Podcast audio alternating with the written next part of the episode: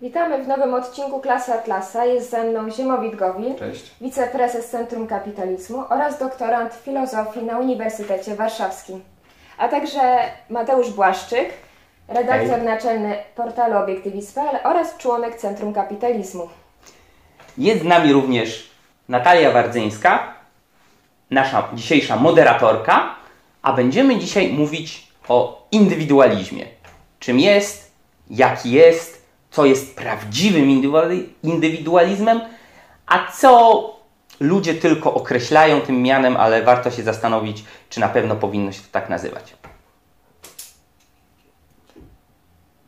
Jak myślicie, jak e, we współczesnej kulturze jest postrzegany indywidualizm? Mateusz? E, powiedziałbym, że dwojako. Bo z jednej strony jest cała masa filmów, książek, e, przeróżnych innych e, dzieł kultury, które teoretycznie, rzekomo, na takim najniższym e, poziomie obserwacji raczej promują indywidualizm. Mówią tak, jest to słynne hasło, bądź sobą, zawsze bądź sobą. Bądź sobą, jeśli możesz być Batmanem, to bądź Batmanem, ale jeśli nie możesz, zawsze bądź sobą. Więc teoretycznie by się wydawało, że jest to promocja indywidualizmu.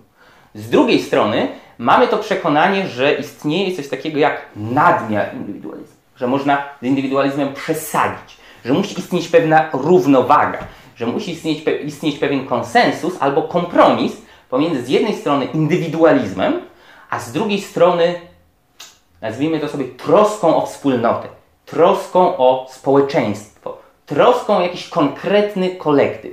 I że te dwie siły, z jednej strony indywidualizm, a z drugiej nazwijmy to sobie kolektywizm, czyli myślenie w kategoriach wspólnota ważniejsza od jednostki, są ze sobą sprzeczne, ale ko- koniecznie trzeba je pogodzić. Koniecznie trzeba wziąć jedne elementy z jednej grupy, drugie elementy z drugiej grupy i jakoś to ze sobą połączyć. Ja bym tak to widział. E, Ja bym powiedział, że ten indywidualizm, e, że ten indywidualizm przede wszystkim, czy przede wszystkim powinniśmy sobie zadać pytanie, w czym on się objawia.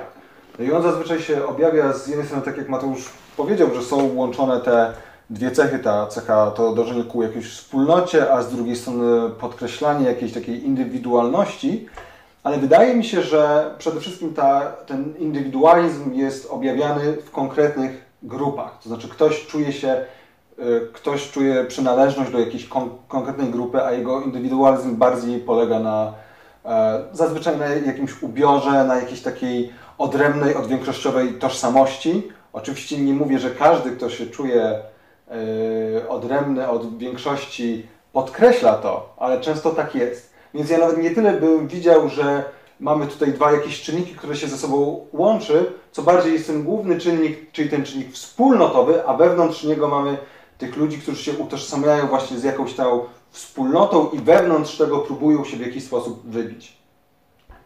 Ale czy indywidualizm nie, od, nie oznacza odrzucenie norm? odrzucenia norm społecznych, tak? Czy nie oznacza?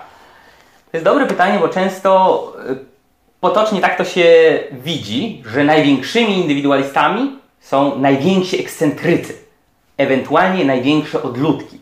Ci, którzy odsuwają się od społeczeństwa, celowo chcą od niego odstawać y, i starają się być w kontrze, starają się być takimi antykonformistami, czyli w kontrze do powiedzmy generalnego konsensusu. Za każdym razem im bardziej są w kontrze, im bardziej odstają, tym bardziej są teoretycznie indywidualistami. Tak, można powiedzieć, że to jest takie przekonanie, które dzieliło wielu na przykład twórców już od czasów romantyzmu. Tak, taki romantyczny indywidualista bardzo często był e, właśnie jakimś odludkiem, outsiderem, dziwakiem, nie pasował do społeczeństwa. Potem to było widać chociażby, nie wiem, w nowej, w Młodej Polsce, e, w okresie modernizmu, ale tak samo dzisiaj. Tak? No, bardzo często ludzie próbują eksponować swój indywidualizm przez całą masę dziwnych kolczyków, jakieś dziwne, specyficzne tatuaże tu, tam, siam, yy, wytatuowaną twarz, yy, bardzo dziwny ubiór, jakiś ekstrawagancki, jakiś wyróżniający się niekoniecznie w znaczeniu elegancki, tylko raczej w znaczeniu bardzo dziwny. I abstrahując od oceny kolczyków, tatuaży i specyficznego stroju, yy, często uznaje się, że to jest wyróżnik indywidualizmu, że to jest jego wyznacznik, że tak, ci ludzie są indywidualistami, bo wyglądają tak, a nie inaczej, bo eksponują tak, to, a nie co innego, bo są głośni i głośno wyrażają swoje bardzo kontrowersyjne opinie, tak? W internecie nazywa się to byciem edgy, tak? Że ktoś jest nawet edgelordem, tak? Czy jakoś tak? E, w każdym razie, że właśnie specjalnie wow, ale ja to nie jestem indywidualista. Myślę, że dosyć często tak się to postrzega, że właśnie jest to w kontrze do norm społecznych. Tylko czy to jest właściwe spojrzenie? E, Zim... E, Może jeszcze Zimowicz ma coś do dodania? Tak, to znaczy z jednej strony tak, ale z drugiej strony mało kto z tych indywidualistów faktycznie odrzuca te normy społeczne. Ja się cały czas będę trzymał swojej delikatnej tezy, ja jakoś nie forsuję mocno, że wydaje mi się, że oni się trzymają norm w ramach swoich wspólnot. To są Swoich za- małych subkultur na przykład. swoich małych e, subkultur. Oczywiście są takie wyjątki, jak są ci, tak jak to, po- tak jak powiedziałeś, dziwacy, którzy no, są takim powiedzmy archetypem tego, tego indywidualizmu, e, którzy właśnie są jakimiś samotnikami i robią wszystko tak non, anty, antykonformistycznie. Natomiast w praktyce takich, takich ludzi jest mało. Więc z jednej strony wydaje mi się, że mamy, że jest to takie spojrzenie na indywidualistów jako na osoby, które, które właśnie się odznaczają jakimś takim dziwnym ubiorem, trochę odstającym zachowaniem, a z drugiej strony jest to, no, jest to przekonanie, że samo pojęcie oznacza taką osobę, która jest, e, no, jakby działa tylko na własnym poletku, że tak powiem. Ludzie często kojarzą indywidualizm z hedonizmem. Czy to nie jest tak, że indywidualiści nie liczą się z innymi, wykorzystują ich? No to jest dobre pytanie, bo to jest często taka, taki jakby ciąg myślowy. Z egoizmem czy z hedonizmem? Powiedziałam hedonizmem. Ale, ale, Ale to czy nie- indywidualista to jest To jest, ale to jest dobre pytanie. bo często się pojawia taki ciąg myślowy. Indywidualista, czyli ktoś, kto myśli o sobie, że jest wybitną, wyjątkową jednostką odstającą od reszty plepsu, odstającą od tłumu, więc jest następny krok to jest bycie egoistą, no a bycie egoistą, tak jak to mówiliśmy w podcaście, w którym omawialiśmy termin egoizmu, automatycznie kojarzy się właśnie z hedonizmem, e, z kierowaniem się własnymi subiektywnymi zachciankami, e, z nieliczeniem się z innymi albo wręcz z wykorzystywaniem ich i traktowaniem ich jako pionki, jako e, środki do swoich własnych celów i coś, co można zużyć, wykorzystać, żebyśmy tylko my byli na szczycie. No, faktycznie tak jest bardzo często to kojarzone, natomiast my byśmy chcieli powiedzieć, że jednak niekoniecznie. E, a dlaczego niekoniecznie? No, przede wszystkim dlatego, to znaczy, czy w takim razie indywidualizm jest hedonizmem, jest egoizmem i tak dalej. No, dla, y, wedle spojrzenia niektórych ludzi tak. Nam się to wydaje błędne. Przed, przede wszystkim dlatego, że indywidualizm musi się, to znaczy, jeżeli ktoś jest indywidualistą, to przede wszystkim musi wyrażać samego siebie. A żeby wyrażać sam... I to jest ten element, który jest wspólny. Który jest prawdziwy, tak? Który Bądź jest- sobą. Tak, bądź sobą. No ale żeby wyrażać siebie, też trzeba, że tak powiem, po, Kimś być. po sokratejsku, tak. Kimś być i, się, i siebie poznać, czyli przede wszystkim poznać swoją naturę. I tutaj nam wchodzi ten problem, że ten, ci, indywidu, ci pseudo-indywidualiści często im się wydaje, że nie ma czegoś takiego jak natura człowieka, że oni mogą sobie wy, wy, wybierać wszystko jakby dowolnie, że mogą mieć dowolne zachcianki i na podstawie tych zachcianek działać. E, No to jest z tego powodu błędne, że człowiek nie jest w stanie działać na własną rzecz, na własną rzecz, jeżeli, e, jeżeli e, działa na podstawie swoich e, kaprysów. Czyli ten indywidualizm prawdziwy polega na tym, że e, człowiek poznaje swoją naturę, ale też przede wszystkim, że jego osąd jest indywidualny. Tylko co to, tylko co to znaczy? Żeby osąd był indywidualny, on musi być przede wszystkim opierać się na rozumie. Żeby, no bo inaczej ten indywidualista rzekomy opiera się na swojej intuicji, na swoich emocjach, na, na swoich e, kaprysach i tak, i tak naprawdę jest niewolnikiem swoich e, Emocji. swoich emocji, tak. Natomiast ten prawdziwy indywidualista, no to to jest jednak osoba, która przede wszystkim opiera się na swoim rozumie i na podstawie swojego rozumu sama e, osądza to, jak wygląda rzeczywistość i to, co powinna robić. Więc tutaj normą, tą normą, do której się ma ona stosować, nie jest społeczeństwo jako takie, bo społeczeństwa mogą być różne. Nie jest tradycja jako taka, bo tradycje też mogą być e, Różne. różne, lepsze lub e, gorsze. Jest przede wszystkim rzeczywistość. Innymi słowy, indywidu, indywidualista, ten prawdziwy, jest nakierowany na rzeczywistość, nie na siebie. I tutaj dochodzimy do tego paradoksu, że no jak to, indywidualista nie jest nakierowany na siebie? Nie. Jest nakierowany na rzeczywistość, nie na społeczeństwo jak kolektywista, nie jak e, no, powiedzmy Subiektywista. Te, nie jak subiektywista, czyli że jestem nakierowany na siebie, na to, co mnie się wydaje, Ale w znaczeniu moich odczuć, Tak. emocji, kaprysów, zachcianek i tak dalej. Tylko jestem nakierowany na rzeczywistość i na mój osąd, który jest no, osądem rozumowym z definicji właściwie, bo taki osąd, który jest oparty na emocjach, nie jest de facto osądem. Jest po prostu wypluciem z siebie jakąś taką ekspresją, którą artykułuje się jakimiś tam słowami e, przypadkowymi e, zazwyczaj. Z- zatem jeszcze raz powtórzę, bo to jest istotne. Indywidualista nie jest nakierowany na siebie, jest nakierowany w swoim osądzie, jest nakierowany na rzeczywistość. I on też jest częścią tej rzeczywistości, co jest bardzo ważne, ponieważ ma określoną naturę, tak jak mówiliśmy. Każdy z nas jest jednostką, ale też każdy z nas przynależy do określonego gatunku. I ten gatunek też nam wyznacza pewne potrzeby, też I nam wymogi wyznacza... naszego życia. i wymogi naszego poznania. Ja bym tu dodał tylko takie dwie krótkie rzeczy. E, Jedna rzecz to a propos tego, co Ziemowit mówił o tych pseudo-indywidualistach, inte- pseudo-intelektualistach też, e, ale pseudo-indywidualistach, tych pozorantach, nazwijmy to sobie, ludziach, którzy, którzy, ludziach, którzy chcieliby wyrażać swoje indywidualność poprzez bycie ekscentrycznym i tak dalej. E, Wydaje mi się, że tego typu ludzie, tak jak Ziemowit powiedział, ja to powtórzę, nie uznają istnienia czegoś takiego jak natura konkretnych rzeczy, tym nie uznają istnienia czegoś takiego jak ich własna natura, że człowiek ma jakąś konkretną naturę i ta natura stawia konkretne wymogi jego życiu, jego dobrobytowi, jego szczęściu. Powiedziałbym, że taki pseudo, y, pseudoindywidualista traktuje człowieka trochę jak plastelinę, że to jest coś, co można dowolnie uformować, że jeśli ja chcę sobie y, na przykład y, ponacinać skórę, żeby wyglądała jak skóra węża, bo też widziałem takie przypadki, to ja mogę to sobie zrobić, bo ja jestem y, swoim własnym tworem, ja mogę sobie robić co chcę i tak dalej. I ja bym powiedział, że my się zgadzamy z tą częścią, że człowiek jest kowalem własnej duszy i człowiek jest kowalem własnego losu, w tym znaczeniu, że to jego decyzje, jego świadome sądy, jego świadome działania i wybory kształtują jego charakter, kształtują jego przyszłość, kształtują to, co będzie się z nim działo w tym świecie. W bardzo dużym stopniu. Natomiast nie można się zgodzić z tym, że człowiek kształtuje swoją własną naturę, bo to, że on może kształtować swój los, że on może kształtować swój charakter, że on może kształtować swoją przyszłość, że on jest kowalem własnej duszy, wynika właśnie z tego, jaką on ma naturę. Że ma świadomość, że ma wolną wolę, że może działać na swoją rzecz w taki, a nie inny sposób.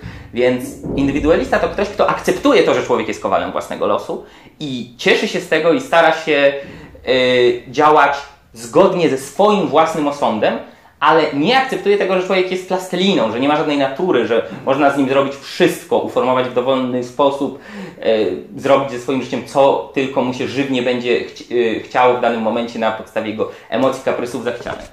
To ja jeszcze dodam ostatnią rzecz, zanim, e, zanim Natalia nam zada kolejne e, pytanie. Bardzo często się podnosi taka kwestia, czy indywidualista to jest osoba, która nie przyjmuje poglądów innych. I tutaj wiele osób uważa, no, że indywidualista to ktoś, kto się nie zgadza. Że no, indywidualista, który przyjmuje Tak. jakiś system wartości, który ktoś oferuje, czy jakieś poglądy, nie, nie, nie. No i tutaj jest problem.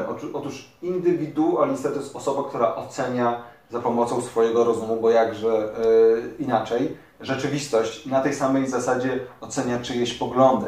A zatem dochodzi do wniosku, czy dana osoba ma rację i może dojść do wniosku, że ta druga osoba ma jak najbardziej rację.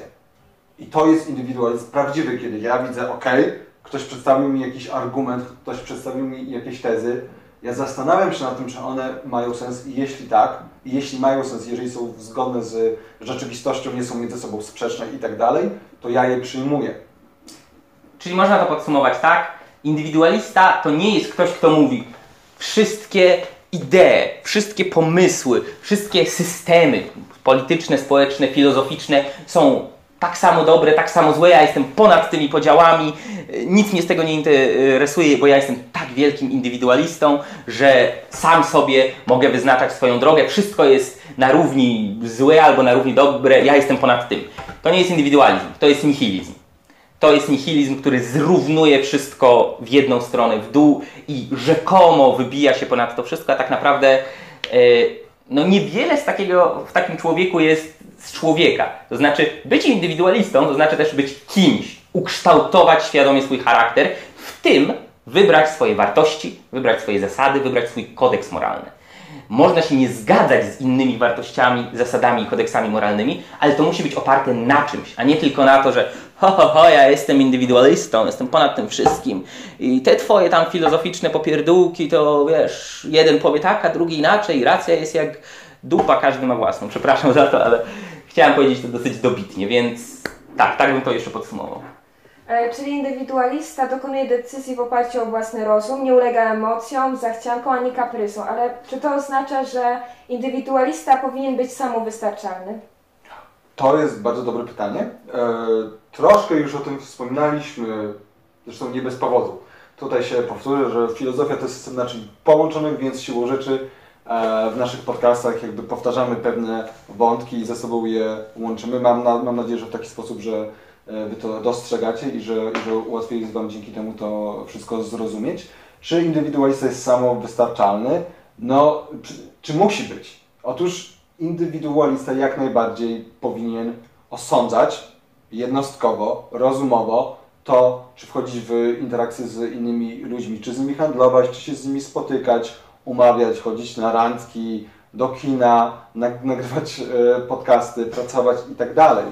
Oczywiście, że indywidualista to nie jest osoba, która na siłę wyjeżdża gdzieś poza miasto, chowa się w jakiejś chatce. Oczywiście może. Jeżeli są osoby, które mają taką potrzebę, w tym się spełniają i tam coś tworzą, mają jakąś produktywną pracę, tutaj zapraszam, nas, e, za, za, zapraszam Was do obejrzenia podcastu o celu, w którym mówimy o tym, czym jest produktywna e, praca, to jak najbardziej może wyjechać, ale nie musi, to nie jest żaden wyznacznik.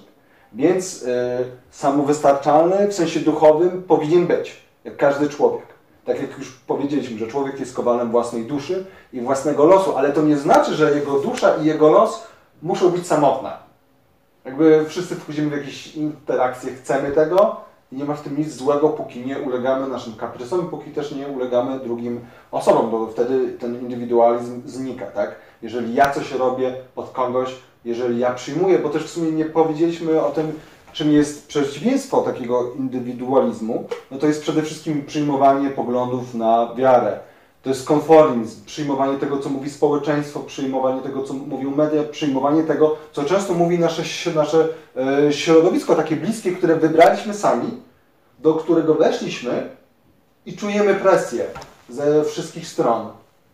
E, I często takie osoby ulegają, często ulegamy tej e, presji, więc no i często zatracamy ten nasz indywidualny osąd. Więc, więc też tym przeciwieństwem byłoby właśnie e, owo uleganie e, ludziom.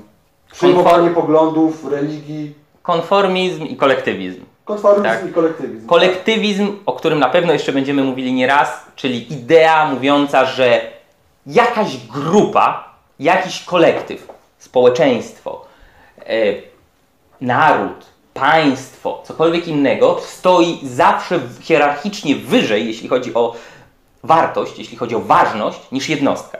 Indywidualizm i każdy indywidualista mówi coś dokładnie odwrotnego. Jednostka jest celem samym sobie. Nie żyje po to, aby służyć kolektywowi, co nie znaczy, że ludzie nie mogą łączyć się wspólnoty i że nie powinni łączyć się wspólnoty i że y, nie mogą wspólnie dokonywać jakichś rzeczy, spędzać czasu, e, uznawać się za członków jakichś wspólnoty, bo jak najbardziej mogą. E, I tutaj e, to, co Ziemowit powiedział, tak, bycie indywidualistą nie oznacza wyjechanie do chatynki w, las, w lesie, jak chyba Emerson zrobił, jeśli dobrze pamiętam, robienia sobie własnego ubrania, hodowania sobie swoich własnych warzyw w ogródku i odizolowania się od reszty. Nie.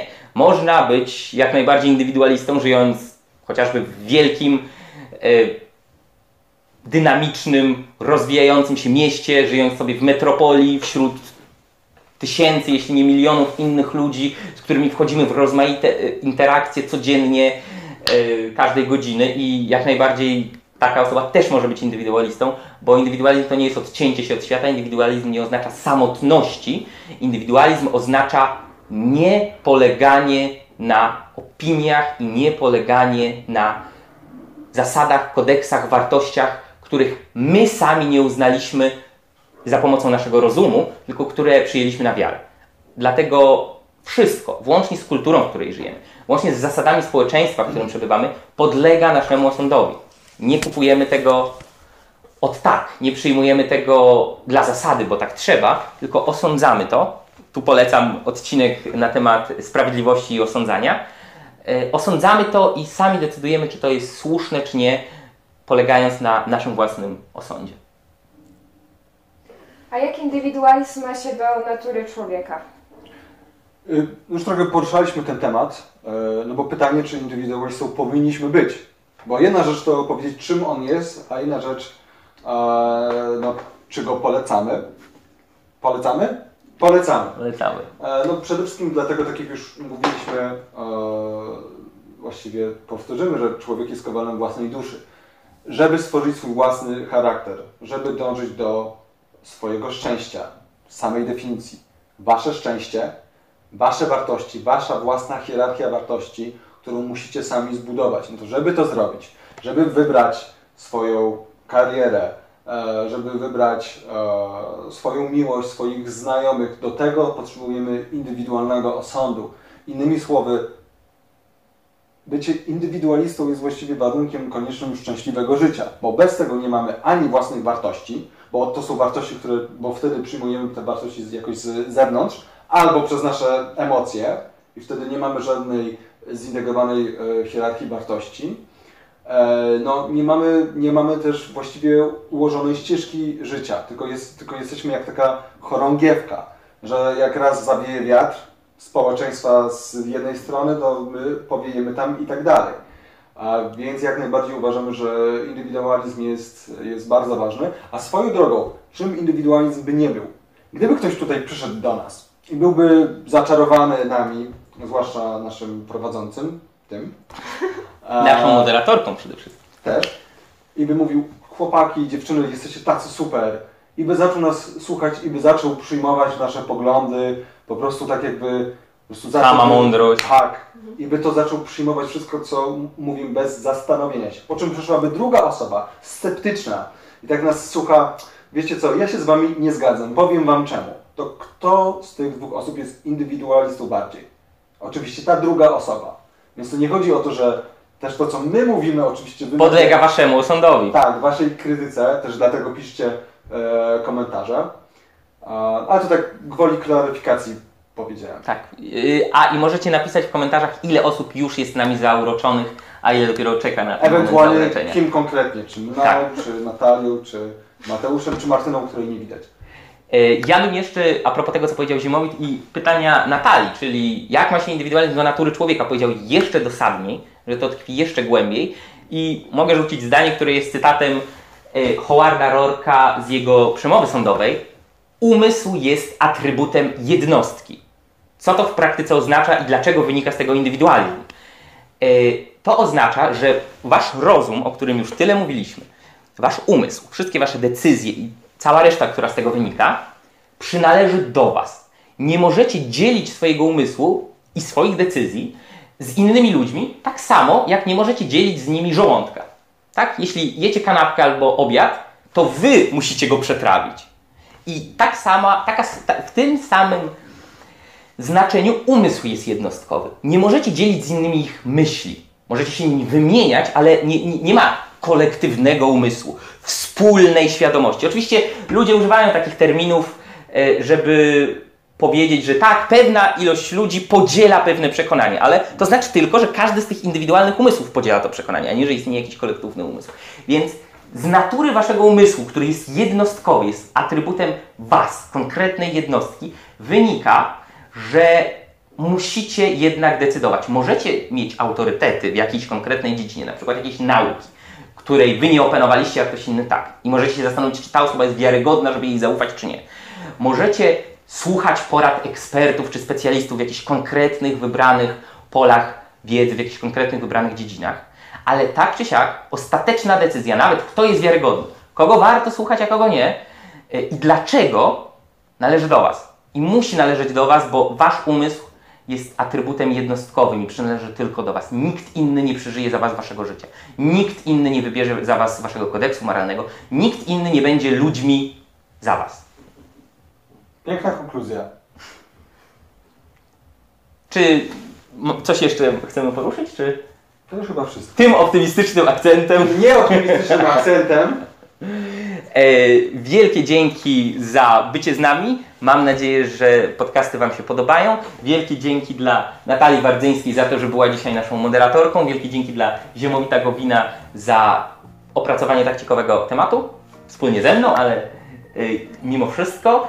I dzięki sobie. tego nie mówię. E, tak, bycie indywidualistą i egoistą nie oznacza bycia egocentrykiem i megalomaniakiem, to inna rzecz. E, specjalne podziękowania dla Martyny Domańskiej, naszej operatorki kamery, montażystki. Przeuroczej. To jest jasne samo przez się. Operatorki kamery, montażystki e, i dobrego ducha naszego e, podcastu. E, trzymajcie się i widzimy się i słyszymy już niedługo. Na razie. Hej, cześć.